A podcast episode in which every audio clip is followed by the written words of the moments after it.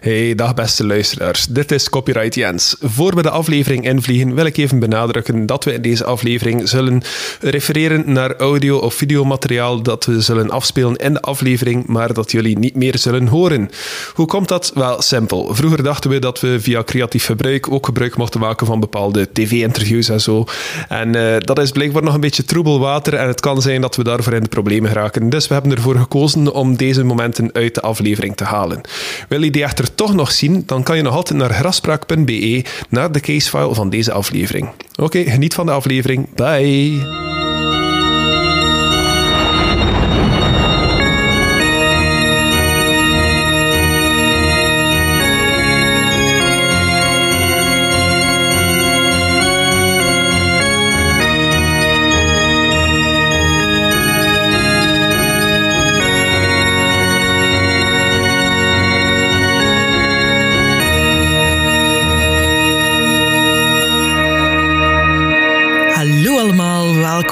Hey. Mijn naam is Nikki. En ik ben Jens. Bedankt om er terug bij te zijn bij deel 2 van de Rendlesham Forest UFO-incident. Wauw, rolt van de tong. ja, prachtig. Ik heb dat zeker geen vijf keer opnieuw moeten zijn.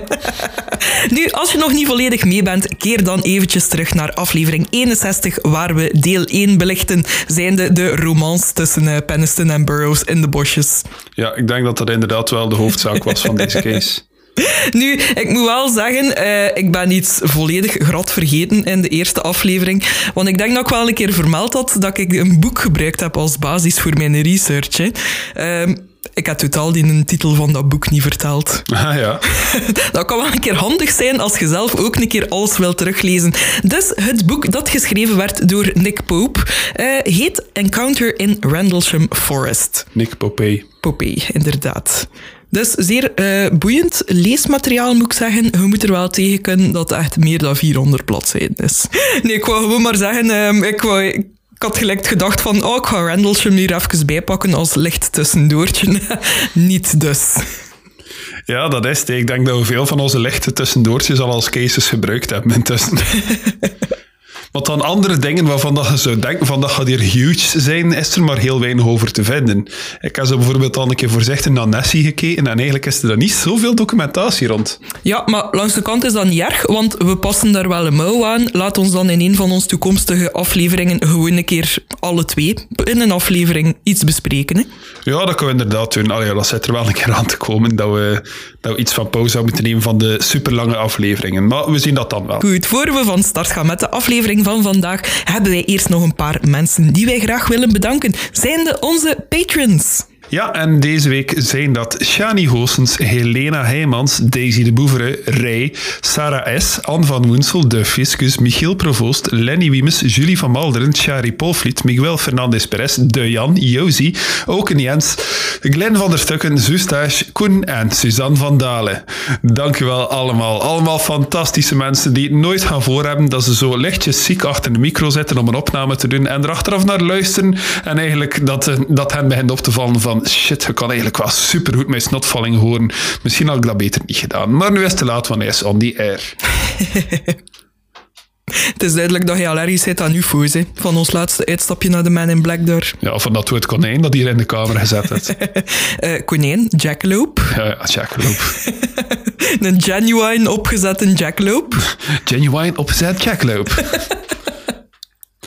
Ja, Nick is dus zo slim geweest van hier een dood konijn of eh, een dode jackalope in de ruimte te zetten, wetende dat ik dodelijk allergisch ben aan konijnenvacht. Ja, mijn enthousiasme altijd op dat moment even overgenomen van mijn uh, kennis van uw allergieën.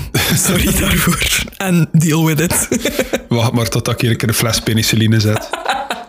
Wij hebben voor de rest nog iemand die wij kunnen bedanken, want wij hebben nog een keer een voice message binnengekregen. Oh, dat is like super lang geleden. Ja, en ik vind het eigenlijk wel heel leuk, want het is ook nog een keer van over de grens. Het is namelijk van Hayat uit Nederland die ons een uh, ja, kleine eigen gebeurtenis heeft uh, verteld. Hayat, heeft hij in het verleden ook al een keer niet gestuurd? Klopt, naam zeg maar Klopt, ja. inderdaad. Oké, okay, we zullen daar eventjes naar luisteren besloten om het met mijn telefoon om te nemen. Ik geef alvast sowieso een disclaimer. Ik ben niet Vlaams, maar Nederlands, dus alvast sorry voor mijn accent. Jullie zijn mijn favoriete Vlaamse podcast. Eh, en mijn uh, geluidkwaliteit kan best wel slecht zijn, want ik heb niet echt een goede microfoon of zo tot mijn beschikking. Oké, ehm, het heet gebeurtenissen in mijn huis. Uh, ik zal sowieso alvast wat informatie van tevoren zeggen, uitleggen. Um, ja, ik ben er dus. Uh, ik heb dus een oud buurmeisje en die um, had dus paranormale dingen in haar huis. Tenminste, dat heeft ze tegen mij gezegd. En ik ben er ook wel eens over de vloer geweest. En uh, ja, die honden durfden niet naar de kelder. Dat soort dingen. Dat komt omdat er schijnbaar een hele grote begrafenis onder haar woning zat. Ik woon een paar straten verderop, want ik was verhuisd een paar straten verderop. Uh, na één straat verderop, om eerlijk te zijn. En uh, het kan dus zo komen omdat sowieso een best wel grote begraafplaats was. Dat mijn huis nu ook op die begraafplaats staat. Um, dus uh, ik ga sowieso al beginnen bij de um, ja, eerste echt grote gebeurtenis. Ik was met um, iemand aan het bellen, mijn ex. toen mijn vriend.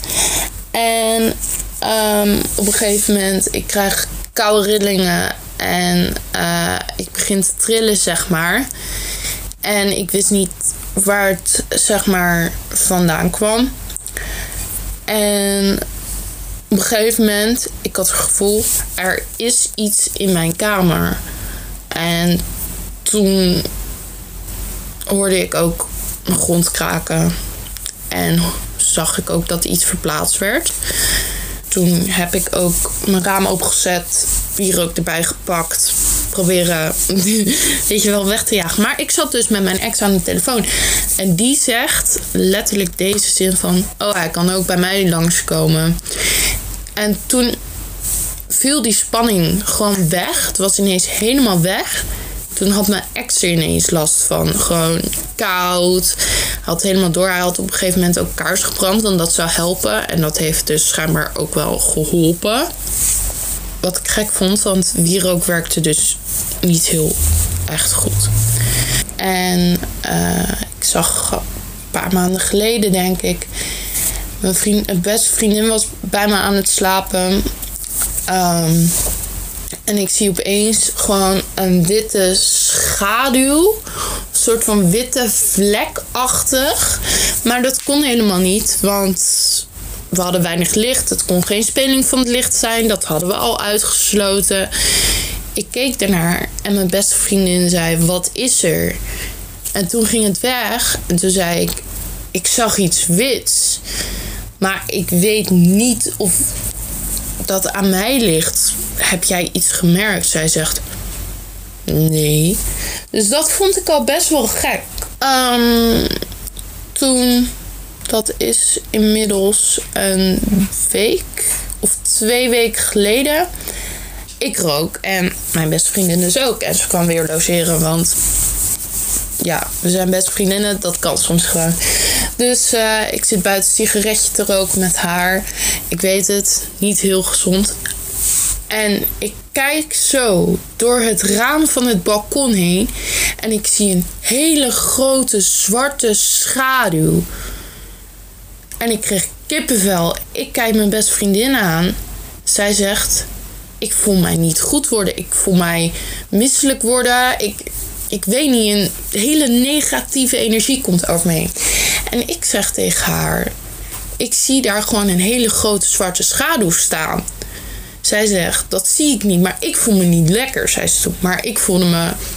Ik had koud, maar het kan ook komen, zeg maar, dat het gewoon koud was. Het was buiten. Twee weken geleden was het nog volgens mij best wel koud. En um, ja, dat we zeiden, wij gewoon verder roken. Een beetje creeped out, weet je. Maar ik heb zoiets, ik ben niet zo bang voor geesten. Ik ben eerder bang voor mensen dan voor geesten. Maar ik was zoiets van, misschien ben ik moe. Misschien voelt mijn beste vriendin is ziek of zo.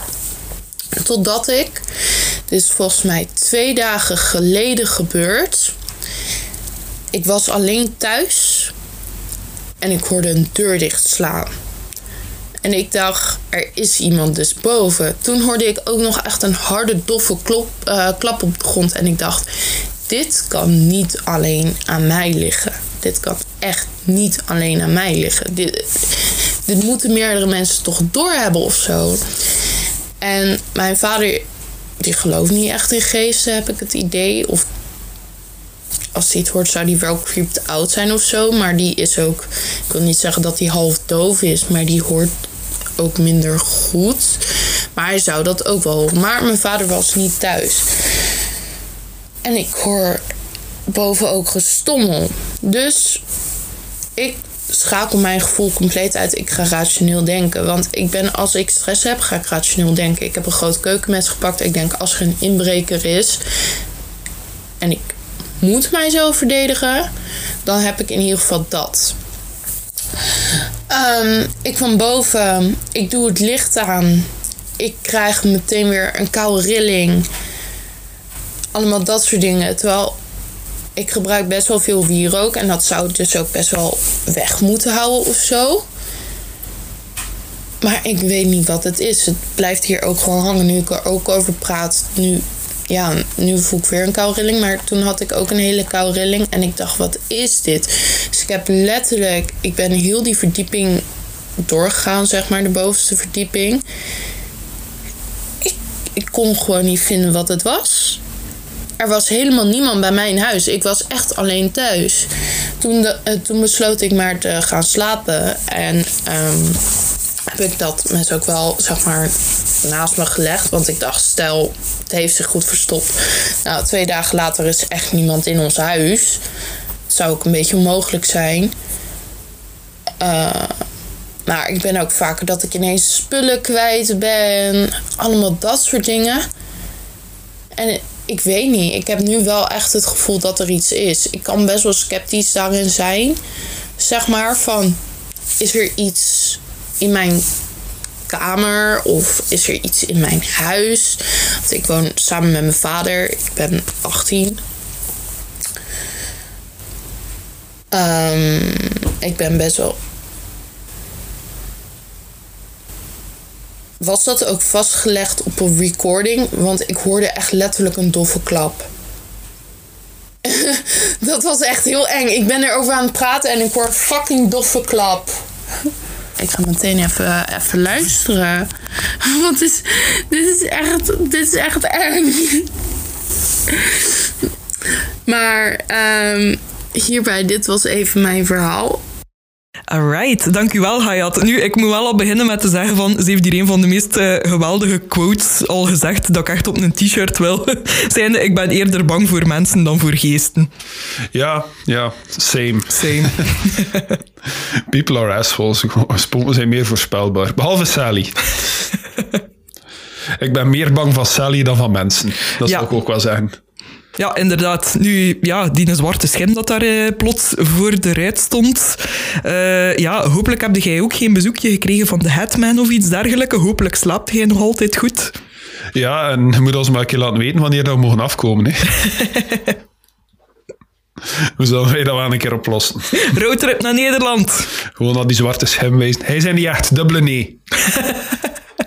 ja, wat, wat denk jij er nog van? Uh, heb jij die bonds gehoord trouwens, waar je had over sprak? Uh, nee, maar ik heb natuurlijk ook niet geluisterd met mijn koptelefoon aan. Dus misschien komt het beter over als het nu echt in de opname gaat zitten. En uh, ja, laten jullie vooral ook weten of dat jullie iets horen, wat dat jullie denken. Uh, ik vind het wel grappig. alleen grappig is misschien het verkeerde woord. Maar gelijk dat we soms al lachend al zijn bezig geweest van burial grounds en dergelijke, dat er nu effectief een keer een Hollandse burial ground is. ja, de nacht zo, als je me nou. In plaats van motherfucker, de kleren. um, om even terug te keren op die opname. Ja, inderdaad, we hebben dat gewoon beluisterd via de speakers van mijn gsm. Dus uh, ik heb ook geen bons gehoord. We hebben het zelfs herbeluisterd. Ik heb die nog niet gehoord. Dus um, ik zal in de edit nog een keer goed luisteren naar de rauwe audiofile via de koptelefoon. En dan wel zien of dat, of dat die bons echt hoorbaar is. Het is moeilijk om dat nu al te bepalen. Maar anders steek ik hem nu nog een keer na deze zin. Hij hem hoort. Hé? Hé? niets hoort uit te steken dat ik hem ook niet gehoord heb. Nu, in elk geval heel erg bedankt, Hayat. En uh, ik moet zeggen dat ik ook wel heel blij ben uh, dat we ja, ook wel een, een goede basis hebben van luisteraars in Nederland ook. Want uiteindelijk, ja, je moet soms maar zin hebben om naar twee uh, Vlamingen te luisteren die aan het praten zijn over geesten. Dus ja, het doet mij ook wel deugd. En het is ook wel leuk om ook zo'n uh, voice messages binnen te krijgen. Ja, ik moet zeggen, ik luister eigenlijk zelf niet vaak naar Nederlandse podcasts. Ik weet niet hoe dat, dat bij jou zit. Ha, af en toe al eens een keer uh, een aflevering duister durf ik wel een keer mee te pikken. Ja, uh, ik, heb wel, ik heb wel naar die podcast over de kasteelmoord geluisterd. dat was al eens door een Nederlandse omroep gemaakt. Dat was een fantastische podcast trouwens, maar ik weet niet meer of dat, dat door een Nederlander gepresenteerd was, al dan niet. Als je trouwens net als Hayat ook eens een voice message wil nalaten voor in de podcast, dan kan dat via de contactpagina op grafspraak.be. Goed, dan uh, gaan we verder gaan naar eh, de, de, ja, de orde van de dag, zoals de Nederland zo mooi zegt. Yes, graag. Nu, voordat we dat doen, gaan we misschien nog eventjes een heel kleine recap doen van aflevering 1. Hè. Jens, kan je mij nog een keer kort vertellen wat dat er eigenlijk allemaal gebeurd is? Um, dus uh, we bevinden ons in Rendlesham in Engeland. Ik weet niet meer waar juist in Engeland dat dat was. Suffolk. Suffolk. En ik denk dat er daar twee Amerikaanse basissen in de, in de bossen ergens waren uh, en ja, de militairen daar zagen op een avond zo wat vreemde lichten in de bossen. En er was ook iets op radar te zien, geloof ik. Um, en uh, ja, enkelen van hen gingen gaan kijken. Of ze waren al in de bossen toen ze de lichtjes zagen. Dat ben ik nu niet meer helemaal zeker. Ze zijn er naartoe gegaan? Ja. Uh, en er zaten daar twee mannen tussen, John Burroughs en Jim Peniston. Ehm, die allebei die lichtjes gezien hebben. Um, ik denk dat een van de twee precies gehypnotiseerd ernaar stond te kijken, terwijl dat de ander wel nog altijd bewust was en kon reageren op zaken. Ja. Um, dan was er ook iets met uh, een, een landingsgestel van een tuig dat ze zouden gezien hebben dat, dat de sporen had nagelaten in de grond. Ja. Ja, ze zijn terug naar de basis gegaan voor alles te vertellen en een debriefing en zo. En uh, ik denk dat een van hen dan nog die nacht teruggekeerd is naar die spot waar, dat die, uh, waar dat die groeven in de grond waren gemaakt, om daar een hipsafdruk van te nemen. Uh, en dat eigenlijk ook al van de luchtmachtbasis zelf en van de, de politie die erbij gekomen is, al wat ontkend werd. Hey, just a bloody lighthouse, mate. Ehm, en dat ja, dat er zo enkele dagen later uh, plots terug een melding van, van de UFO is terug. De volgende dag zelfs Of al. de volgende dag, ja. Ik denk dat dat het in een nutshell ongeveer is. Ja, zeker. Dus de eerste avond was 25 op 26 december. Uh, wanneer dat dus effectief de close encounter gebeurd is. Hè. Nu, wat ik uh, misschien vergeten te zeggen ben, bij de vorige aflevering, dat mij nog een keer te binnen is geschoten, maar zelf ook nog een keer te luisteren. Ik had al gesproken over dat het leek voor Peniston en Burroughs of de, alsof dat het was blijven stilstaan. Hè.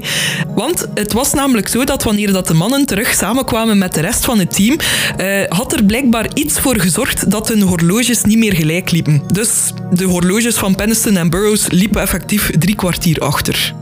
En op de tweede avond, dat was dan wanneer dat uh, Laurie Bowen ook een melding maakte dat ze ook vreemde lichten zag. En dan nog een keer, een dag later, hebben we dus de woorden gehoord van Bruce England, die lijkbleek Charles Holt vastnam en die zei: The UFO is back, sir. En daar gaan we terug van start met de aflevering van vandaag. Want we zitten dus nog steeds in Woody's Bar in Woodbridge, waar dat ze dus net de woorden hebben gehoord dat de UFO zou terug zijn. Nu, Holt wordt direct door Conrad, die samen met hem daar in de bar zat, opgedragen om verder op onderzoek uit te gaan. Pakt u een helikopter, destijds. Nu, wat we al wisten van Halt was dat hij eigenlijk ook een heel serieuze mens was. En uh, dat hij eigenlijk vooral uh, ja, nou, daar wou gaan ook wel met het gedacht van oké, okay, ik ga dat hier een keer volledig debunken. Maar ergens was hij ook wel al een beetje curieus naar wat dat hij zou kunnen vinden. Dus hij trekt de nacht in met een team bestaande uit Engeland, die daarnet dus het nieuws had overgebracht. Mm -hmm. En dan ook nog Flight Chief Bobby Hall en Sergeant Monroe Nevels erbij. Nu, Nevels die was zelf ook een behoorlijk goede fotograaf. Die nam zowel zijn camera mee als ook een Geiger counter, waarmee dat ze dus uh, ja, de radioactieve straling zouden kunnen meten. ik weet niet of dat, dat standaard procedure was om dat mee te hebben in zo'n onderzoek. Maar kijk, ze hadden dat dus in elk geval al mee. Uh, ja, ik denk als het een kwestie is van een onbekend, ongeïdentificeerd vliegtuig, dat is dan misschien gewoon voor het zeker te doen, want je weet nooit dat een of ander nieuwe soort nucleaire aanval is. Ja, nu, wat ze ook meenamen uh, was een cassetterecorder. Uh, Charles Halt stond er blijkbaar bekend voor als hij een onderzoek deed dat hij altijd zijn persoonlijke Diane mee had, uh, voor de kijkers van Twin Peaks. nu, ja, dat is eigenlijk wel heel waardevol gebleken, want wat dat hij dus op die cassetterecorder heeft verteld, is eigenlijk ja, een van de, de belangrijkste bewijsstukken, zal ik maar zeggen, die hier in dit UFO-onderzoek gebruikt wordt. Um, dit is 18 minuten aan audiomateriaal. Ik moet wel zeggen dat dat verschillende snippets zijn, want volgens Charles Holt zelf is er wel ruim 4 à 5 uur aan audiomateriaal, maar dat hij sommige dingen niet kan of mag vrijgeven. Dat is nu puur in zijn eigen woorden. Mm maar ja, van de vorige aflevering wisten we wel al dat hij wel graag ook dingen achterhoudt voor het geval dat natuurlijk ook bepaalde kopieën en dergelijke. Nu, ze trekken dus het bos in en uh, het onderzoek wordt eigenlijk ondersteund door uh, light owls. Ik heb dat hier uh, even op foto ook voor u. Dat zijn eigenlijk enorm grote gemotoriseerde lampen die ja, doorheen het bos kunnen lopen om echt wel goed de dingen te kunnen verlichten. I call it a little tank. nu, um, het vreemde is dat uh, op die avond ook deze voertuigen volledig de dienst zouden weigeren, om eigenlijk onverklaarbare reden. Nu, volgens sommigen zou het, uh, het simpel te verklaren zijn dat ze simpelweg zonder benzine zouden gevallen zijn, maar er zijn er die er die avond bij waren die wel beweren dat er toch iets anders zou geweest zijn dat ermee interfereerde. Nu, die pannen zou er dan op zich weer voor zorgen dat er op de basis nog meer personeel ook nog een keer wordt opgetrommeld om andere light-alls nog van benzine te vullen en uit te sturen. Dus allez, hoe meer mensen dat erbij betrokken worden, hoe meer dat er ook ja, geroddeld begint te worden op de basis, zal ik maar zeggen. En het nieuws van een mogelijke UFO-sighting begint gelijk een lopend vuurtje over heel de basis te gaan. Um, het gevolg is dat er ook blijkbaar sommige mensen zonder autorisatie het bos intrekken en dat zelfs Burroughs die avond ook nog een keer uh, zou proberen om dichterbij te kruipen. Nu, terwijl dat Holt aan het wachten is op ja, deftig functionerende light alls, eh, gaat hij natuurlijk wel al aan zijn eigen onderzoek beginnen. Voor wie interesse zou hebben om de hele transcriptie van de tape een keer te lezen, die staat eigenlijk volledig woord voor woord ook uitgelegd in het boek Encounter in Randlesham Forest. Dus dat is zeker wel een keer de moeite. Ik ga het hier juist een beetje in hapklare brokken aan jullie doorgeven. Dus we starten eigenlijk het onderzoek met de Geiger counter. In het begin van het onderzoek wordt er nog niet echt iets abnormaal waargenomen, tot ze dichter bij die drie inkepingen in de grond komen. Blijkbaar zou daar, en ook in het exacte punt van die driehoek dat die zouden vormen, zou de straling er opmerkelijk hoger blijken te zijn. Ook zou die bepaalde plek ook verkleurd zijn. Nu, wat we ook gaan horen, is dat er aandacht gevestigd wordt op de bomen en hoe dat de blootgestelde kant toch wel behoorlijk gehavend blijkt te zijn. Alsof dat er daar echt wel iets tegen die bomen heeft zitten schuren. Um, er is ook te horen uh, op de tape dat ze samples aan het verzamelen zijn van zowel de grond als ook het sap van de bomen. Nu gaan we eens luisteren naar een stukje dat daarop volgt. Dus zoals dat we kunnen horen, uh, ziet Halt hier voor de eerste keer wel iets uh, vreemds aan de horizon. Hè. Hij begint al uh, lichten te zien die door de bomen aan het schijnen zijn. Ja, inderdaad. En alsof dat er dingen vanaf komen.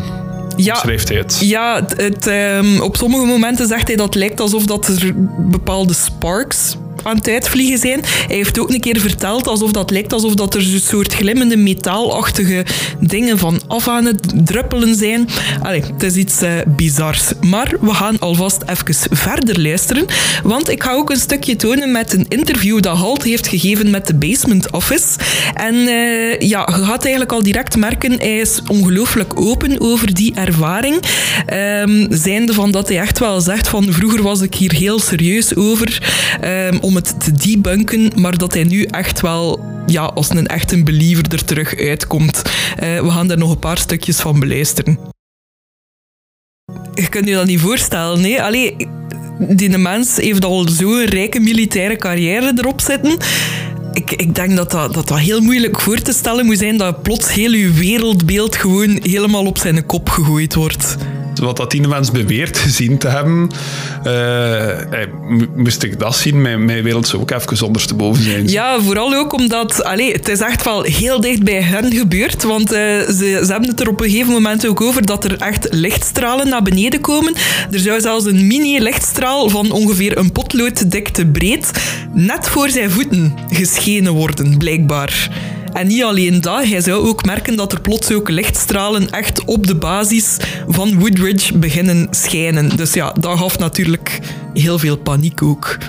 Ja, en je hoort ook wel in die opnames, wat dat vermoedelijk nog altijd de echte radio recordings van die dag waren. Inderdaad, ja ja, hoor je ook wel de verbazing en lichte paniek in de stemmen. Hè? Ja, absoluut.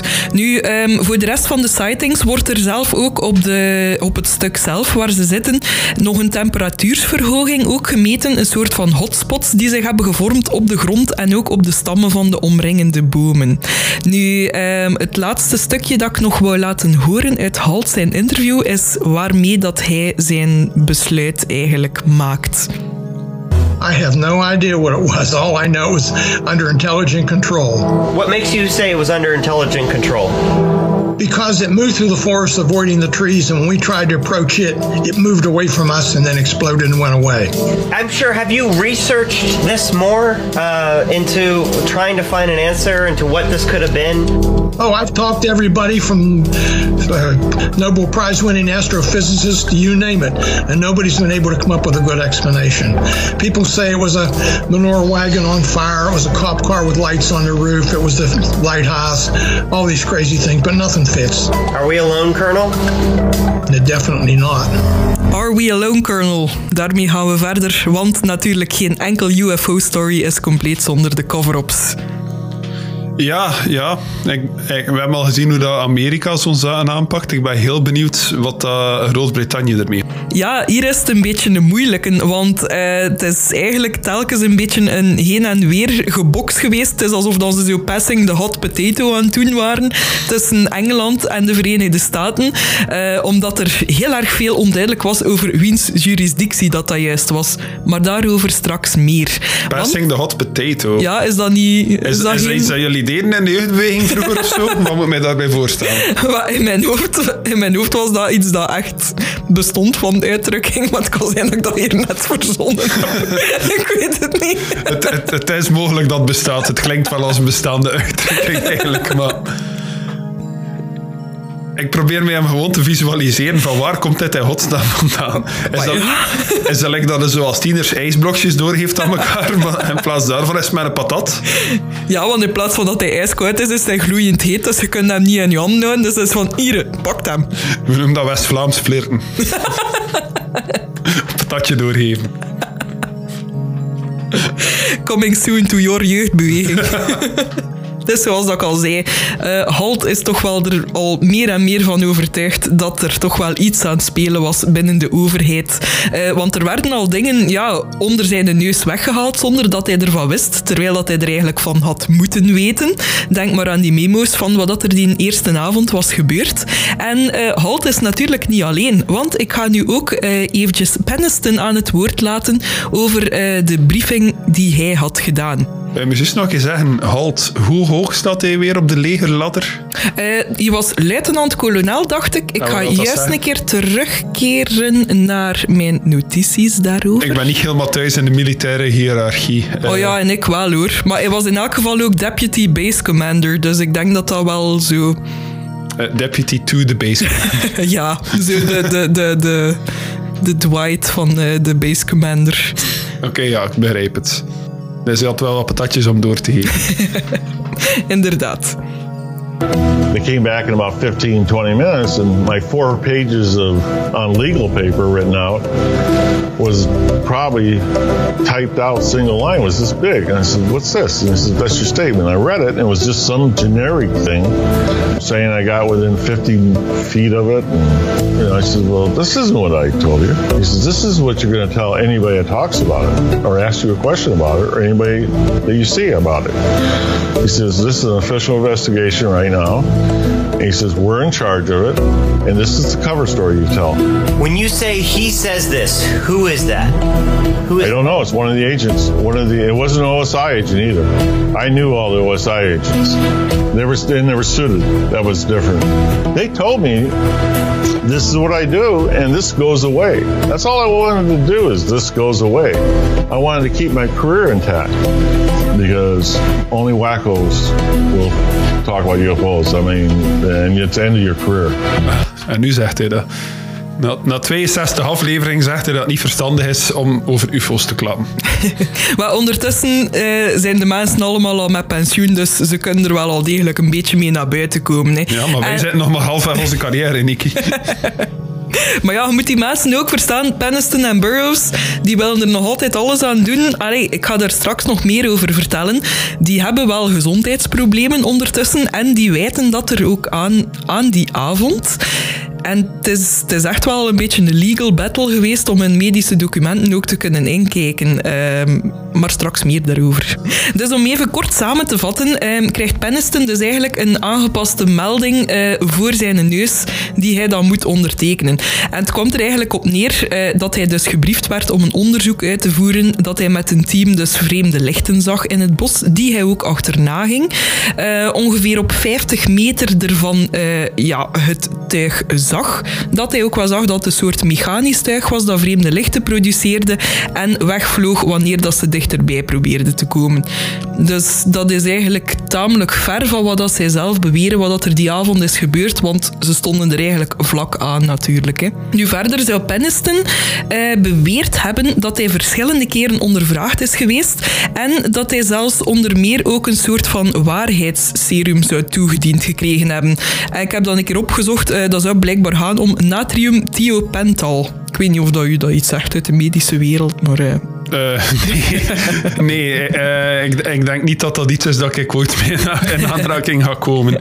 Maar Oh wat, ja. Waarheidsserum, ik, ik denk niet dat dat, dat, dat vaak in gewone ziekenhuizen wordt toegediend. Nu, ik had er wel over gelezen dat dat blijkbaar wel iets zou zijn dat gebruikt wordt voor verdovingen toe te passen. Dus misschien wordt dat gewoon in een kleine dosis toegediend. Het kan. Allee, maar het kan, ja. Als er iemand uit de medische wereld aan het meeluisteren is, laat ons dat zeker weten. Maar ze zeggen wel dat, eh, dat als je iemand een vraag stelt vlak voordat ze onder verdoving gaan, dat je meestal wel de waarheid gaat krijgen. Maar of dat, dat klopt, kan niet uit ervaring spreken. Ja, nu in elk geval, eh, Penniston is niet de enige die beweert dat er ja, gefoefeld werd met de briefingen. Eh, er waren ook anderen die aanwezig waren die avond die claimen dat er ook met hun meldingen geknoeid werd. Eh, onder andere Cabansag. Kabansek! Ik wist het. Zou beweren dat hij verplicht werd om valse statements te ondertekenen. Sergeant Bustinza, die ook aanwezig was eh, tijdens de avond, die zou beweren dat hij urenlang ondervraagd zou geweest zijn in een onderaards deel van de eh, zelfs niet wetende door wie dat hij ondervraagd werd. Een beetje zoals Burroughs, dat we daarnet... eh eh, Penniston, sorry, Penniston. Waarom, waarom moet elke legerbasis zo'n mysterieus onderaards deel hebben, dat meestal ook nog een keer groter is dan, dan bovenaards? En dan ook nog een keer mannen in pakken die hen ondervragen. Nu, het is ook geen duidelijkheid over wie dat er wel en niet ondervraagd is geweest. In totaal zijn er maar door vijf personen officiële verklaringen vastgelegd. En dan ook nog een keer enkel over de eerste avond. Dus over die avond waarbij de Halt met zijn tape recorder langs ging, daar is er eigenlijk niemand naar voren gekomen dat nog een verdere melding heeft gegeven. Nu, wat dat er wel jammer is, ehm, na verloop van tijd zijn er wel nog een paar mensen naar buiten gekomen, maar bleken dat eigenlijk toch wel hoaxes te zijn. En die hebben eigenlijk ja, een beetje dat verhaal in het belachelijke getrokken ook. Want er was bijvoorbeeld wel jarenlang een man geweest, genaamd Larry Warren. Dat was ook iemand die deel was van de Amerikaanse luchtmacht. En die heeft heel lang anoniem info naar buiten gebracht over het incident. Uh, hij beweerde dat hij aanwezig was op de avond, waarmee dat hij met halt ook op onderzoek uitging. En uh, die zei dus dat er geen lichten gevonden waren, maar dat hij effectief aliens hadden gevonden die avond. En dat hij dan zelf ook een hele lange tijd ondervraagd is geweest door mannen in zwarte pakken. En hij zou zelfs beweren dat die ook valse herinneringen in hem ingeplant zouden hebben. Ik geloof er niks van. Gelukkig. Nee, maar ja, dat is dan wel jammer. Hè. Als je zo gelijk Peniston en Burroughs zo met halve PTSD zit en hoopt dat je toch ergens wel een beetje geloofd wordt, dat je het dan zo van die individuen hebt. Hè. Ja, maar ja, maar dat is ook net de reden dat je, dat je nooit met 100% zekerheid over zo'n case kan zeggen of dat het al dan niet waar is. Want er lopen altijd wel een paar opportunisten tussen die ook gaan beweren dat ze erbij geweest zijn, ook al was dat niet zo. En ja, dat maakt het onmogelijk om met 100% zekerheid zoiets te bevestigen, tenzij dat je er zelf bij geweest bent. Ja, inderdaad. Nu, um, er zijn natuurlijk wel een paar documenten gelukkig ook vrijgegeven kunnen worden. Eén daarvan is de Halt Memo. Um, die is eigenlijk pas twee weken na het voorval opgesteld geweest, wat dat op zich al een beetje vreemd was. Maar ik denk, allez, volgens dat ik gelezen heb, zou dat hier wel kunnen meespelen dat het moeilijk was om eigenlijk uit te maken naar wie dat de jurisdictie nu eigenlijk ging gaan. Um, dus dat daardoor kan zijn omdat de nete patat dus echt heel lang is doorgegeven geweest dat Halt dan pas eigenlijk zijn memo geschreven heeft. En ja, tegen die... dat daar geraakt was, was nog maar een beetje puree eigenlijk.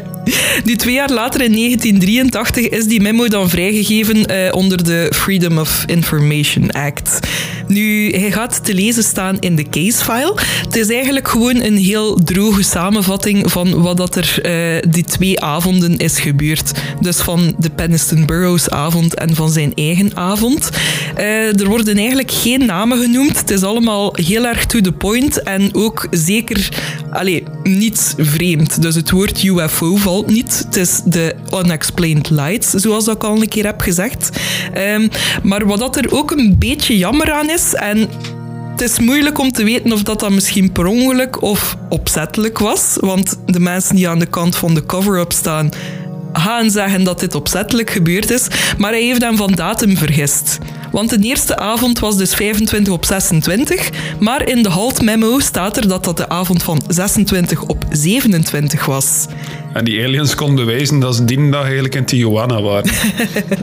nu, wel, het jammer daaraan is... Uh, misschien dat het Verenigd Koninkrijk daar ook wel ha, het is raar om te zeggen, maar er misschien een beetje blij mee was, want dat konden ze een rap van afmaken. Want het was ook wel een beetje op de Project Blue Book manier. Ze wilden er zo weinig mogelijk mee te maken hebben eigenlijk. En doordat ze een verkeerde datum hadden doorgekregen, hadden ze ook bij het opzoeken van die radarinfo bijvoorbeeld de verkeerde datum doorgekregen, waardoor dan ze die rare melding ook niet hadden. Dus hadden zij zoiets van, ja maar ja, het is hier niets te zien op die radars op die datum, dus het zou wel niets geweest zijn. Dus eigenlijk werd heel dat ding heel vlug een beetje aan de kant geschoven. Ah, wat een bullshit weer. Waarom moet er toch altijd zo een deel incompetentie ook zijn als er zo'n ja. alien case gebeurt? Ja. Dus, allee, langs de kant zou je kunnen denken van dat Halt misschien een beetje mee was in dat cover-up verhaal. Maar langs de andere kant zou het ook wel raar zijn, want hij gaat later ook nog wel met verschillende statements naar buiten komen dat hij natuurlijk wel aan de believerkant staat. Dus mhm. misschien werd hem opgedragen dat hij de verkeerde datum moest schrijven. Allee, dat is vreemd en ik heb daar ook geen verklaring voor. Als hij, als hij intussen wel al oud in die open had met dat alles, zou hij dat toch ook al toegegeven hebben dan? Dat er hem verplicht werd om de verkeerde ja, te geven? dat weet ik natuurlijk niet, want het staat ook wel in het boek geschreven dat er bepaalde dingen zijn die de mannen wettelijk gezien ook nog niet mogen zeggen. Nu ja, ik moet wel zeggen, wanneer dat in een memo dan naar buiten is gekomen, heeft dat wel ook even een lichte UFO-craze uh, terug de kop doen opstijgen, opsteken. Um, zoals dat je hier dus kunt zien in de News of the World. Uh, eh, UFO lands in Suffolk. Dus ja, dat is weer even uh, hot nieuws geweest. And maar... that's official. And that's official. Maar natuurlijk, zoals ja, altijd, wanneer dat, dat gebeurt, wanneer dat in de tabloid staat, wordt dat natuurlijk ook nog verder geridiculiseerd. En daardoor wordt heel de zaak een beetje ja, aan de kant geschoven. Nu, zoals ik wel al gezegd had, Halt zou natuurlijk over het loop van de jaren nog verschillende statements geven om zijn recordings ook wel verder te duiden. Wel weer telkens met een andere datum. nu, in 2010 zou hij dan een officiële verklaring daarover vastgelegd hebben, waarbij dat hij het voorval nog een keer kort aanvat, uh, samenvat, sorry. En hij besluit hier en ook in een panel dat hij nog een keer in 2012 heeft gedaan, waarbij dat hij echt wel stelt dat het volgens hem niet anders kan dan dat de objecten van buitenaardse origine waren en dat de VS en het Verenigd Koninkrijk um, ja, dat hun veiligheidsdiensten echt wel geprobeerd hebben om dat hier in de doofpot te steken. Dus allee, in die paar jaar dat hij is gegaan van heel erg serieuze, voorzichtige militaire man, is hij echt naar een true believer te gaan. Want hij zegt vlak af dat het buitenaards was volgens hem. Mhm. Ja, zero bullshit. Hè. Dus als niet gelooft dat er aliens zijn, dan had hij ook zeggen dat er aliens zijn. Ja, en uh, ja, de vraag ook waarom dat hij geen schrik heeft voor negatieve gevolgen door de uitspraken dat hij doet, uh, daarvan heeft hij eigenlijk twee verklaringen. Eén zijn de, de hoge rang die hij heeft bekleed, wat hem blijkbaar toch tamelijk onaantastbaar heeft gemaakt. Uh, en twee, omdat hij heel grondig te werk is gegaan om verschillende kopieën van zijn werken ook allemaal op te slaan op een geheime plaats waar dat niemand het ooit zal vinden. Moest er dan ooit iets met hem gebeuren dat hij blijkbaar heel veel materiaal heeft om toch mee naar buiten te komen. Dus, allee, het is een beetje dubbel. Enerzijds zegt hij natuurlijk van, ja, mijn rang is hoog genoeg dat ik onschendbaar ben. Maar langs de andere kant zijn er toch nog dingen waarmee dat hij niet naar buiten komt. Want, zoals dat hij zelf zegt, hij zou ruim vijf, materiaal uh, vijf uur aan audiomateriaal hebben. Ja, en wat beschouwt hij als een supergeheime plaats? Allee, ja, wie weet is zijn vrouw zo intussen al jaren aan het zeggen van waarom ligt die deurmat zo hoog? Wat zit er eronder? Zo echt heel duidelijk gewoon een doos met papieren dat daaronder zit, onder een welkomstmatje. Mensen moeten daar overspringen om zijn huis binnen te komen. Uw jackalope is net omgevallen trouwens. Uh, en dan wordt heel snel hoger en hoger, maar niemand mag eronder kijken. Allee, Charles, wat ligt dat hier te doen? Het is classified. ja, het is echt zo top secret op die mat. oh. Ik sta me zo het beeld voor van als je zo aan de, aan de voordeur van Area 51 toekomt, dat er daar echt zo'n deurmatje ligt met gewoon top secret op, sorry. Nu, een ander vrijgegeven document um, is ook wel interessant, omdat dat toch wel ook Peniston en Burroughs heeft geholpen in hun zoektocht naar de waarheid over ja, hun medische problemen. Um, het is namelijk zo dat de straling die werd gemeten, dat dat hier ook op een officieel, officieel document aangeduid staat en dat er daarvan ook wel beschreven wordt dat het uh, significantly higher than the average background rating was. Mm -hmm. Nu, daarop verdergaand. Um, om even te schetsen wat dat er juist eigenlijk was dat de mannen ervaarden nadat ze dus hun encounter hadden gehad, uh, is het zo dat Burroughs zou beweerd hebben dat hij sinds de gebeurtenis last zou gehad hebben van hartfalen en dat Peniston zelf, uh, ja, wanneer dat gebeurd was, last begon te krijgen van zijn gehoororgaan, uh, wat dan later als de ziekte van Meniere werd gediagnosticeerd, eh, waarbij dat dus eigenlijk lichaams het lichaamsorgaan. Alles, is, een lichaamsorgaan.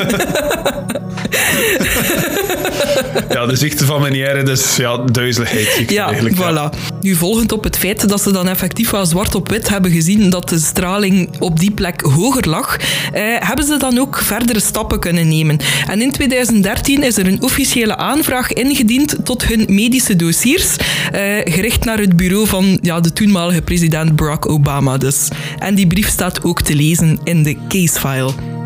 Tenzij dat hij hem graag voorleest, Jens. Dear Mr. President, As former members of Congress, we are writing to express concern over the lack of response by our government to two of our retired servicemen who dutifully served their country during the Cold War. Air Force Staff Sergeant James William Peniston and Airman First Class John Frederick Burroughs. In 1980, Sergeant Peniston and Airman Burroughs were stationed at the twin base facility of RAF Bentwaters and RAF Woodbridge near Suffolk, England.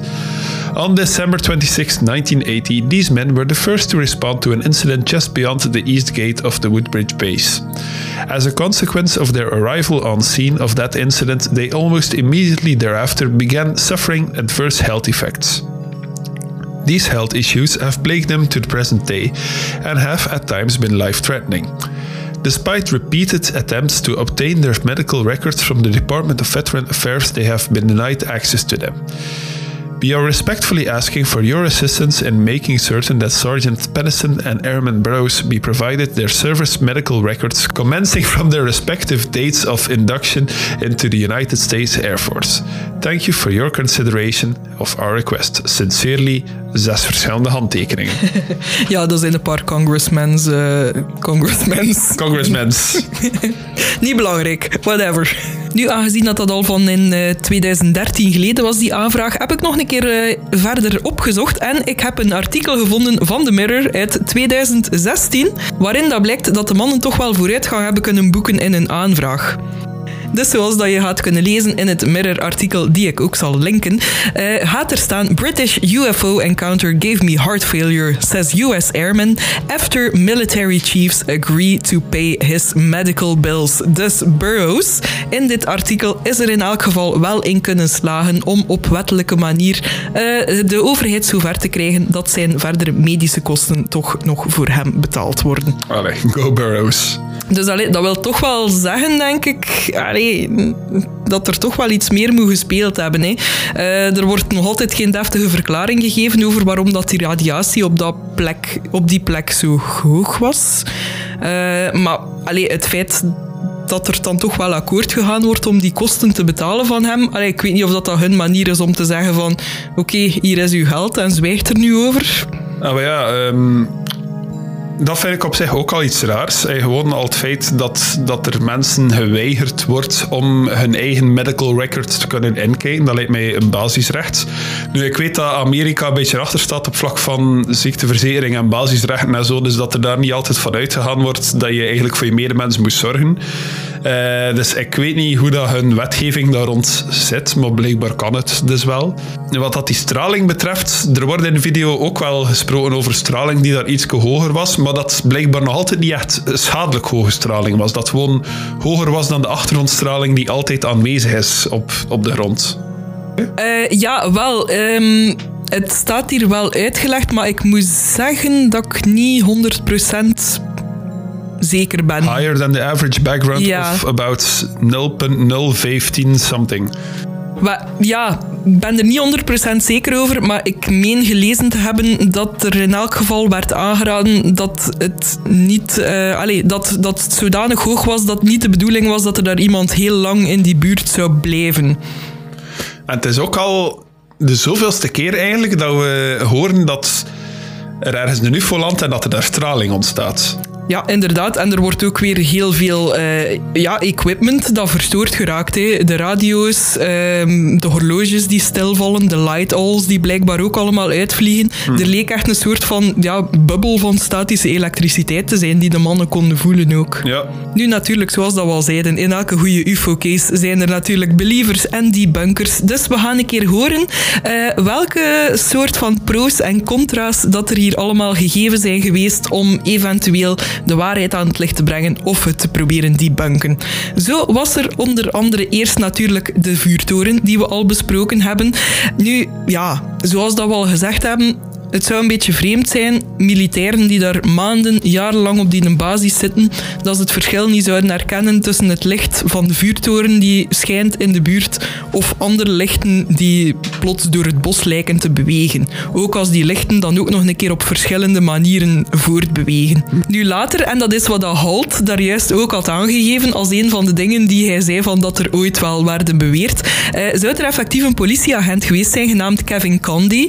Die zou naar voren gekomen zijn en zeggen eh, dat hij een grap zou uitgehaald hebben met een van de bewakers die af en toe patrouilleerde aan de Eastgate. Eh, hij zou blijkbaar rondgereden hebben met zijn politiewagen en hij zou daarbij rode en groene koplampen, allee, of toch lenzen voor zijn koplampen gestoken hebben en zo op die manier rondgereden hebben en dan ook in vreemde geluiden met zijn microfoon gemaakt hebben. Allee, beetje raar allemaal. Hij zou ook gezegd hebben dat hij daarbij nog bijgestaan werd door twee anderen ook, maar die gingen al niet mee in het verhaal en Condi zou in die periode ook helemaal niet gewerkt hebben. Oké, dus we kunnen ervan uitgaan dat Kevin Condy zijn verklaring eigenlijk bullshit is. Kevin Condi is debunked. Ja, het ding is ook wel wat dat hij vertelt, zelfs al zou het waar zijn, zou het ook niet alles verklaren dat, dat verschillende mannen die die nacht gezien hebben. Nee, absoluut. Er is, er is heel veel dat hij niet zou kunnen verklaren. en ook dat zou hij al drie dagen van zijn tijd moeten gebruikt hebben om die grap uit te halen ook. Ja. Nu, wat dat er mogelijk wel plausibel zou geweest zijn, zei het niet dat het natuurlijk drie dagen geduurd heeft. Wat is het, newbie? Wat heb jij erover te zeggen? Aan welke kant sta jij? Nu, wat dat er wel een tamelijk plausibele uitleg zou zijn, waar het niet dat het natuurlijk drie dagen na elkaar gebeurd is, eh, is dat er toevallig ook twee dingen aan het gebeuren waren in de lucht de eerste avond. Om te beginnen zou er een Russische satelliet geweest zijn die toevallig net op dat moment helemaal opgebrand was. Eh, wat dat op zich ook wel zorgde dat er heel veel UFO-meldingen doorheen het land aan gang waren. Ehm, en dat er toevallig ook net een meteorietenregen merkbaar zou geweest zijn. Maar terug, zoals ik al zei, dat was natuurlijk maar op één avond. En allee, ook het feit dat de lichten weer vreemde trajecten aflegden, doe weer denken van, hm, misschien toch niet. Ja, wel, ik zat er ook net te denken. Zelfs al eh, vallen er stukken satelliet vanuit de hemel, dat zou inderdaad sommige dingen kunnen verklaren. Maar niet dat er daar iets zo kort boven de grond blijft hangen en die lichten die zo dicht bij die mensen waren en zo. Het zou op zijn meest eh, vreemde lichtjes in de lucht en radioactieve straling op de grond kunnen verklaren. Ja, nu... ehm, in aflevering 1 had daar een interessant punt al een keer aangehaald. Zijn meestal militairen dan naar buiten komen met die meldingen. En eh, hier wordt er ook nog wel een keer ehm, sommige meldingen ook gestaafd door de gewone Britse burgers. Eh, want Gordon Levitt, dat was een bewoner die eigenlijk ook aan de rand van het Rendlesham Forest woonde. Dus die was er eigenlijk ook wel heel dichtbij. En die zag ook vreemde lichten die avonden. Ehm, in zijn melding aan de politie staat dat hij een vreemd licht zag zweven boven zijn tuin, ruim twee keer de grootte van zijn huis. En nadien zou het verder bewogen hebben richting de militaire basissen. Ik denk dat je mijn punt verkeerd onthouden hebt. Want mijn punt was niet dat dat meestal militairen zijn die ermee naar buiten komen. Mijn punt was dat militairen serieuzer genomen worden als ze meldingen doen. Ja, inderdaad, ik het even verkeerd verwoord, maar Ja. dat bedoelde ik dus. Nu, over militairen die naar buiten treden gesproken. Ehm, later zijn dan ook nog een keer twee luchtverkeersleiders uit Bentwaters ook naar voren gekomen, waarbij dat zij eigenlijk ook het verhaal bevestigd hebben dat er op de eerste avond een vreemd, eh, onverklaarbaar ding te zien was op de radio. Eh, ze zouden gezegd hebben, what impressed me the most was the speed this thing had. I have never seen anything so fast in my life. It was zoom gone. Bedoelde niet op de radar, trouwens? Wat heb ik gezegd misschien? Op de radio. Ah ja, ah, het zijn golven. een golf is een golf. voilà. Nu, ik ben eigenlijk al, voordat ik nog overga naar het volgende punt, al een keer curieus wat hij allemaal denkt van heel dit. Ik heb meer moeite met de debunkings te, te, te geloven dan, eh, dan de verklaringen van de avond zelf eigenlijk. Tot nu toe ben ik nog altijd meer geneigd om het UFO-verhaal te geloven. Ja, het is jammer langs de kant dat het natuurlijk weer zo ja, een shitshow is geweest langs de kant van de overheid ook, door gewoon stomweg een verkeerde datum door te geven en dan ook niet meer de moeite te doen om het verder te onderzoeken. Het was alsof dat ze blij waren dat ze niet verder op onderzoek moesten gaan en dan ze dat direct konden classifyen onder ja, unexplained. Maar er zal wel nog ergens een intern onderzoek gebeurd zijn, waar dat er gewoon eh, dat niet onder de Freedom of Information Act valt, for some reason. Ja, nu ik denk dat ik al vermeld had dat Nick Pope eh, voor het ministerie van Defensie werkte. Nu, van 91 tot 94 heeft hij effectief gewerkt ook om ja, onverklaarde, onverklaarde zaken ook te onderzoeken. Eh, en in die tijd was Rendlesham al een cold case. Dus ik weet niet in hoeverre dat er nog een intern onderzoek naar gedaan werd. Uh, het kan natuurlijk wel zijn hè, ja, dat het voor hem leek alsof dat een cold case was, maar dat er natuurlijk inderdaad nog ergens een shadow government nog altijd bezig is ermee. Oei, hou die theorie ook al op, de shadow government. Daar gaan mijn volgende cases. Maar ja, het gaat nog vreemder worden. Oei. Zijn er klaar voor? Uh, nee. Maar zeg het toch maar. Wel, let's go. Want er is naar buiten gekomen dat er op de eerste avond nog veel meer is gebeurd met Peniston dan dat hij initieel zelf had aangegeven.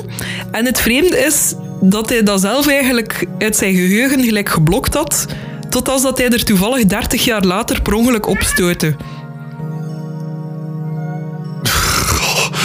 Waarom zet jij dat heel tijd zo te janken? Het is namelijk zo dat hij dat ja, toevallig een keer tegengekomen was in zijn notitieboek, terwijl dat hij, ik denk dat hij een interview aan het geven was of iets dergelijks. En wanneer dat hij zijn notitieboekje openslaat, ziet hij plots deze pagina's. Ja, zo, dat is een binaire code zo te zien. Ja, wat ik u nu aan, aan het tonen ben, dat is in het boek zelf dat ik gelezen heb, staan er zo'n 16 bladzijden daarvan aan inderdaad een zee van ones en zeros. Dus echt een binaire code. Daarover heeft Peniston het volgende te zeggen. First night, I kept seeing these ones and zeros, ones and zeros. I decided, I said, well, I said, I, I, can, I can actually see these so well. I, I think I can write that down. And, you know, I could write down one, zero, zero, zero, one. Eight. And the thing was, when I started it, I started feeling better. And the more I wrote, the better I felt. You write them all down you feel better. Absolutely. And then you just close the notebook and put it away. So I took those uh, pages and left them in the notebook and never looked at them again until 30 some years later. And that was by accident. Nu is het dus zo dat hij in zijn gedachten uh, die ones en zeros doorkreeg op het moment dat hij dat tuig aanraakte en dat dat verblindend fel wit licht kwam. Blijkbaar zou hij dan zo'n informatiestroom aan binaire code tot hem gekregen hebben, wat dat hij zelf blijkbaar de information download noemde. Uh, nu, op zich is dat al heel erg vreemd. Mm Waren het ook niet dat die binaire code dan ook nog een keer aan de programmeur werd voorgelegd? Nu moeten weten, Peniston was totaal niet op de hoogte hoe dat binaire code werkt. Maar die programmeur heeft dus effectief boodschappen kunnen extracten uit die binaire code. What? Die boodschappen zijn de volgende. Exploration of humanity. Continuous for planetary advance. Eyes of our eyes. Origin year 8100. Nu, als dat nog niet vreemd genoeg lijkt, zijn er ook binaire codes die vertaald een reeks geografische lengte- en breedtematen vormen. Nope, en... nope, bullshit. En die vallen samen met ja, toch wel historisch significante plaatsen. Als daar zijn de Egyptische piramides, de Nazca-lijnen in Peru, dat zijn deze waar ik hier een voorbeeld van heb. Ja, ja en de tempel van Apollo in Griekenland, om een paar voorbeelden te geven. Onder andere ook frituur Nancy het. Toevallig genoeg. But wait, there's more. Want een van de coördinaten verwijst naar een stuk land. Dit hier meer bepaald, wat je hier kan zien ten westen van de kust van Ierland. Nu, het vreemde daaraan is, dat is geen bestaand eiland. Dat staat al... Dat ligt zo ten, ten, westen van Ierland, zo gezegd. Ja, dat staat al zo'n 6 à 700 jaar niet meer op de geografische kaarten. Het wordt wel een keer High Brazil genoemd. En het is eigenlijk een soort van Ierse Atlantis, want het bestaan van dat eiland is eigenlijk ook nooit 100% bevestigd geweest. Ik ga nog even Peniston aan het woord laten. Where did the message come from? I've never believed uh, that it was extraterrestrial.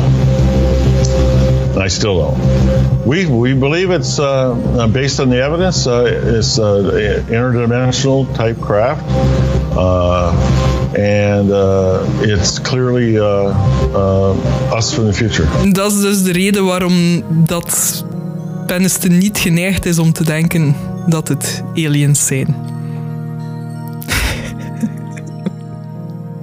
Ik ben eruit. nu, dat lijkt dus ongelooflijk van de pot gerukt. Uh, maar, vreemd genoeg, krijgt hij ook wel bijval. Uh, want ik heb hier een stuk nog van een fragment waarin dat uh, theoretisch fysicus Ronald Mallet aan het woord is. En die claimt wel dat de manier om in contact te komen met het verleden of de toekomst, dat dat via binaire code zou zijn. I showed that a string of subatomic particles or neutrons could be arranged so that some point up while others point down, representing zeros and ones. These zeros and ones can then encode a binary message which could be sent into the past or the future. Ik weet honestly niet zo goed wat ik hiervan moet maken. Het, het, verhaal begon als een redelijk standaard UFO-melding en is toen all kinds of insanity beginnen aannemen. I know, right?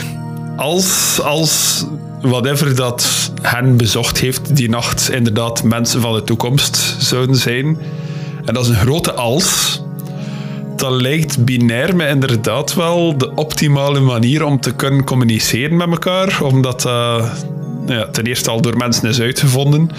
En zodanig basis is dat niet snel gaat veranderen en dat nog altijd aan de basis ligt voor veel computerstructuren. Dus oké. Taal, gewone spreektaal zal sneller evolueren dan, dan binaire taal waarschijnlijk. Ik ben hier ook maar volledig uit mijn gat aan het trekken hoor. Ik weet, voor het is dat volledige bullshit dat nu het verklaren ben. Maar het lijkt mij logischer dat mensen vanuit de toekomst zouden communiceren via binair dan dat aliens dat zouden doen. Ik zal het zo zeggen. Ja, maar ik moet zeggen, vanaf dit punt had ik ook zoiets van... Allee, ja, pas op, ik heb al, lang iets van wat. Maar... Uh, I'm just stating the facts here, want ik weet eerlijk gezegd ook echt niet welk standpunt dat ik hier moet innemen voor deze case. Ik had zoiets van, oké, tot aan die binaire code was ik wel tamelijk mee met het verhaal. Maar vanaf dat ik dat zag, en zeker omdat dat ook 30 jaar lang niet in de spotlight is geweest, het is pas vanaf 2010 dat hij daarmee aan het licht is gekomen, plots. Mm ik had bijna iets gehad van, had beter die papiertjes eraf gescheurd. Dan was iedereen beter af geweest. maar kijk, los daarvan. Um, moet ik wel zeggen, de mannen hebben dus nooit geen ambitie gehad om daar op een of andere manier bekend mee te worden. If anything, wouden ze alleen maar dat inderdaad hun medische kosten betaald werden. Dus ik ben blij dat ze daarmee toch op zijn minst al een hele stap verder zijn geraakt. Um, zelf Nick Pope ook, die toch wel heel lang die ook al heel lang daarin heeft gewerkt en ook heel nauw met de mensen heeft samengewerkt, wil ook geen sluitend oordeel daarbij vellen. Um, ja, over die binaire code zegt hij ook van ja, wie weet hoe ver staan we in de toekomst. Ik bedoel, vroeger was er ook heel de discussie tussen welk, wat is er nu het middelpunt van ons universum. Hè? Allee, of toch van onze melkwegstelsel. Is de zon of is de aarde? Ik bedoel, dat was ook, je zou er ook vroeger op de brandstapel voor gesmeten geweest zijn, bij wijze van spreken. Hè? Ik, kan, uh, ik kan die eh, High Brazil trouwens niet vinden op Google Earth. Ik wil dat er maar een keer zijn. Maar ik heb er wel video's over bekeken om niet te ver gesidetracked te geraken. Uh, er zou wel een zekere, wat was het nu, Porcupine Bay of zo geweest zijn dat zo'n verhoogd stuk land is, uh, dat misschien mogelijk daar ooit voor zou kunnen uh, doorgegaan hebben. Ben niet 100% zeker. Ah, maar ja, ik, ik, heb het ook snel een keer opgezocht. En blijkbaar is er zo'n verhaal van een kapitein die daar reusachtige konijnen had zien rond ja. op dat eiland, ja. blijkbaar. maar ja, laat ons zeggen dat het waarschijnlijk niet zal kloppen. Nu, in elk geval, dit was het verhaal van Peniston en Burroughs. En misschien zullen we ooit wel een beetje meer info krijgen, maar tot die tijd zijn er in elk geval mensen die blijven geloven dat de waarheid te vinden is in het off-limits gedeelte van de basisen. Diep weggestoken in de donkere hoekjes en donkere kelders onder het wapenarsenaal. Veel kans. Dus eh, ik ga mijn goed opzetten. Mijn speelgoed Indiana Jones zweep hebben ze weg. hè. ja, Niki, nu dat hij eh, toch al het bewijsmateriaal eigenhandig bekeken hebt, denk jij meer aan de ja of aan een nee? Oh my god, ik weet het echt niet. Ik vind het er echt over. het is... eh, ik zeg het, ik weet echt niet wat ik moet denken. Ah, die binaire code, is dat gewoon... Misschien had- is hij zodanig in shock geweest dat hij dat echt inderdaad verdrongen had in zijn geheugen. Ja, oké, maar binaire code gaat ook niet uit uw duim zuigen. Hè? Eh, Sorry, iedereen kan eentjes en nulletjes opschrijven, maar niet iedereen kan dat met een boodschap erachter. Ja, ik weet dat, het. Ja. Dat was 1980, dus allee, ja, het is niet dat het dan gewoon naar eh, dat gewoon online een binaire vertaler kan opzoeken of zo en, Ja. eh, en snel zoiets in elkaar flansen. hè. Oftewel moet je echt wel zwaar opzoekwerk doen om zoiets te maken. Oftewel een expert inhuren natuurlijk. Oftewel heeft hij dat echt ingeprent gekregen for some reason. Ja. En allee, niet alleen dat. hè. Ik bedoel, alles dat hem die drie avonden heeft afgespeeld ook. Ze zijn al niet alleen geweest. Er zijn tientallen mensen die ook een melding hebben gedaan. Eh, je moet al de durf hebben om daarmee naar buiten te komen. Want zoals dat ze meermaals zeggen, als militair allee, riskeerde daar heel veel mee. Om maar niet te zwijgen uw reputatie voor ja, heel de wereld. En het enige dat ze ermee willen proberen winnen is dat ze betere healthcare krijgen. Ja. Dus, allee, ja. Ja, aan de andere kant, de, eh, de fireman en police force en zo, die geholpen heeft met 9-11 en ook bijna 30 jaar moeten wachten op healthcare voor alle aandoeningen dat ze ervan gekregen hebben. Ja. Dus naar Amerikaanse standaarden is dat niet zo wat normaal eigenlijk. Van riskeer je leven voor je land en fuck you voor de rest. Maar ja, wat ik moet wel zeggen, voor de rest ook zijn de mannen wel ook van de ingesteldheid dat ze nog altijd heel veel respect hebben eh, voor het leger en dat ze nog altijd heel trots zijn op de carrière die ze hebben gedaan ook zo. Dus allee, ze kijken er zeker niet met een grudge op terug ook. Dus ja. Weet je, ik denk dat ik gewoon voor een ja ga gaan, gewoon omdat het mij zodanig bizar lijkt dat zoveel mensen Allee, dat tientallen mensen zouden afgesproken hebben van we gaan hier een keer een grote hoax plegen of zo. Allee, ja, bedoel, Ja, de radarbeelden er dan ook nog een keer bij. Allee, er moet iets geweest zijn. Er moet sowieso iets geweest zijn. Het zal, misschien waren het geen aliens. Allee, pff, ik, ik, ga, ik ga zeker niet beginnen met te denken wat dat wel was, hoor. Want eh, toon mij die vertaling nog een keer van dat binair. Je zou denken, als ze dan toch een code kunnen doorsturen, dat dan misschien een keer zo beginnen met Hi, I know this might scare you, but... Wij komen van 6000 jaar in de toekomst. eh, sorry dat ik hier even kom storen. Ik weet niet, ik heb, ik heb hier zowel dingen gezien die, die ik wel geloofwaardig vind. En ten andere die precies zodanig bij het haar ge- getrokken zijn. Dat, ik- dat ik heb moeilijk om hier ja op te zeggen. Mijn, mijn gut instinct zegt ja, maar er had nog te veel alarmbelletjes af in mijn hoofd van dit klopt hier gelijk allemaal niet. En daardoor ga ik het op een nee houden, denk ik. Ja, ja, ja. Ik kan niet met volle overtuiging ja zeggen hierop. Ja, ik ook niet. Allee, ik bedoel... pff, Nee. Ja, wat is nu? Net wel ja. Ik weet het, ja. Ja, maar heb ik ooit al een 100% ja gegeven? Ik weet het niet. Ik denk dat ik mijn ja altijd zo... Ik weet niet. Laat ons zeggen, misschien 70% is of zo. Nu Jens, weet jij al over wat dat jij het gaat hebben de volgende aflevering? Ja hoor, ik weet het volledig. Eh, we gaan naar Ecuador. Oeh, Ecuador? ik wist het. Gaan we gewoon dat nummer gebruiken als openingstune volgende week? Ik denk niet dat we dat echt op hebben. Anyway, ja, nee, we gaan, eh, we gaan naar Ecuador. We gaan daar op ontdekking. Met een heel bekend figuur dat jullie allemaal kennen. Dat ga ik er nog bij zeggen. Maar, oké. Ja, hij ook. Ik ben echt benieuwd. Er zijn waarschijnlijk al een paar mensen die iets hebben van ja, ja, ja, we weten het. Ja, ja, en dan had de mij dat zo tuut. maar goed, kijk er naar uit. Hoop ik jullie ook. Hoop je kan. Hoop ik.